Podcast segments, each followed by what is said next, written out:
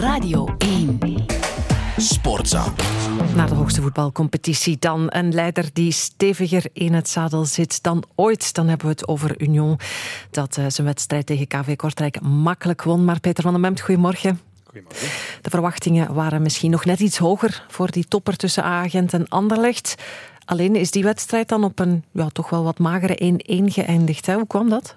Ja, inderdaad. Heel hoog uh, gespannen verwachtingen en een grote teleurstelling. Maar omdat één ploeg uh, gekozen had om stevig te verdedigen, Anderlecht met name, en volgens zijn van Hazenbroek parkeerde hij zelfs een dubbele bus.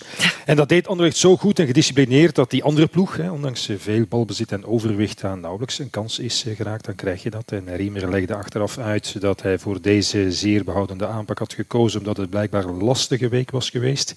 Met de onzekerheid rond de fitheid van Jan Vertongen, van Torgan Hazard. Ja. Dat vond ik toch maar een magere uitleg, eerlijk gezegd. De aanpak van Anderlecht in deze topper was een teleurstelling voor mij. Na de mooie progressie die Paars Witte voorbije weken uh, voetballend uh, toch had uh, gemaakt. Dat getuigt van voorlopig toch nog niet te veel vertrouwen van de coach. Dat die stap al gezet is dat zijn ploeg buiten huis in een topwedstrijd tegen een sterke tegenstander dan ook kan komen meevoetballen. En het is duidelijk, niet, vanaf, niet van gisteren al, dat Riemer dit seizoen resultaten wil. En zijn bazen ook wel, denk ik. Mhm. En een prijs, en dat is, hoeft niet die van het publiek zijn. Zo simpel is het. En oké, dat verdedigen, zoals gezegd, dat deed Anderlecht wel heel goed. Met uh, Vertongen en de Bast sterk. Ook Mats Rits in zijn rol voor de defensie van uh, groot belang.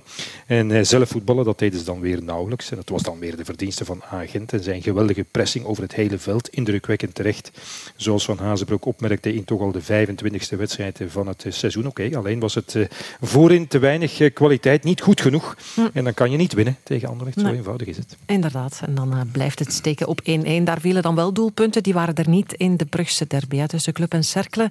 Ook daar grote frustratie, uh, ja toch vooral denk ik dan bij Club Brugge, hè, bij de coach Dijla. Ja, dat Ronnie Deila geïrriteerd, zoals hij zelf aangaf, gefrustreerd uh, was omdat Club Brugge gisteren die derby niet kon winnen. Alle begrip daarvoor. Maar dat hij elke keer nijdiger reageert op vragen over de dramatisch slechte resultaten van Club Brugge in de competitie, dat is toch geen goed teken. Dat is niet uh, negativiteit creëren, zoals hij dat noemt. Dat zijn uh -huh. feiten vaststellen. Hè. Iedereen kent ze. Eén overwinning bijvoorbeeld in acht wedstrijden, veertien punten minder dan Union, de, de welverdiende herfstkampioen. Bijvoorbeeld ook acht minder dan Anderlecht, ja, dan heb je als trainer en spelers samen uh, tot nu toe zeer matig gewerkt. Uh, het was blijkbaar overigens ook de eerste 0-0 in de Brugse derby in 88 jaar. Oh. En toch vond ik het echt best een goede, uh, felle wedstrijd. Ik vond overigens ook dat Club Brugge veel beter voetbalde, sneller, met meer drive, met meer doelgevaar ook dan bijvoorbeeld donderdag tegen Lugano.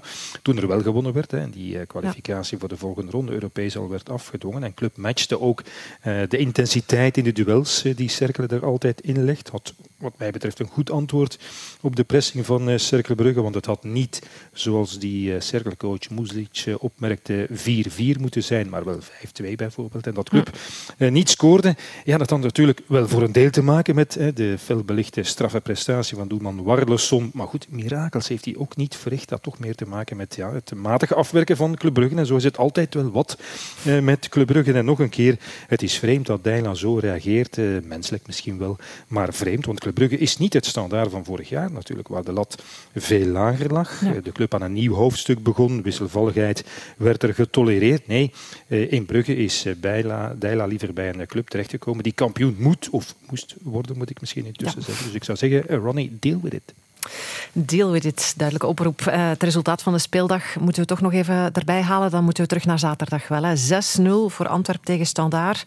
Wat betekent dat voor coach Karl Hoefkes? Ja, straf eigenlijk. Enkele uren na die 6-0 op Antwerp was er op de site van de Waalse krantengroep Zuidpress al een poll. Moet standaard Karel Hoefkes ontslaan en een nieuwe trainer zoeken? Ja, ik vraag me af, wie verzint zoiets achter zijn bureau? Ik ben niet gaan kijken overigens naar uh, de uitslag. Het was natuurlijk wel heel pijnlijk dat uitgerekend één dag nadat Hoefkes had gezegd dat hij nog nooit in zijn carrière als speler of trainer een spelersgroep had gekend die mentaal zo sterk was, ja, dat die spelers dan ja. een dergelijke collectieve wanprestatie leverden met uh, Zinjo van Heusden, net nu hij weer Rode Duivel was geworden, in een uh, ongelukkige negatieve hoofdrol. Zo ongeveer alles waar hij bij betrokken was, uh, liep verkeerd af. Uiteindelijk nog zelfs uh, geblesseerd. Maar nog eens, uh, de historische pandoering was wel een collectieve verdienste. En kijk, van die euforie die er na de overwinningen tegen Club Brugge en Anderlecht was. De hoop dat Standaard dit seizoen kon strijden voor de top 6 in Europees voetbal. Daar blijft drie wedstrijden en één op negen. En ik denk tien tegendoelpunten eh, later niets meer van over. En zeker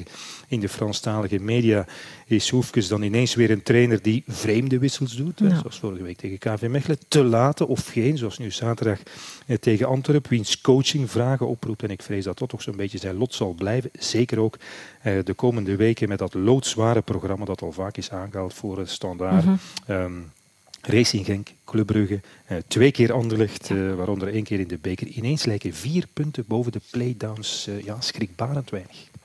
Afwachten hoe het loopt. Dankjewel uh, voor jouw kijk op de zaken vandaag. Peter van der Munt. Sportza. Sportza.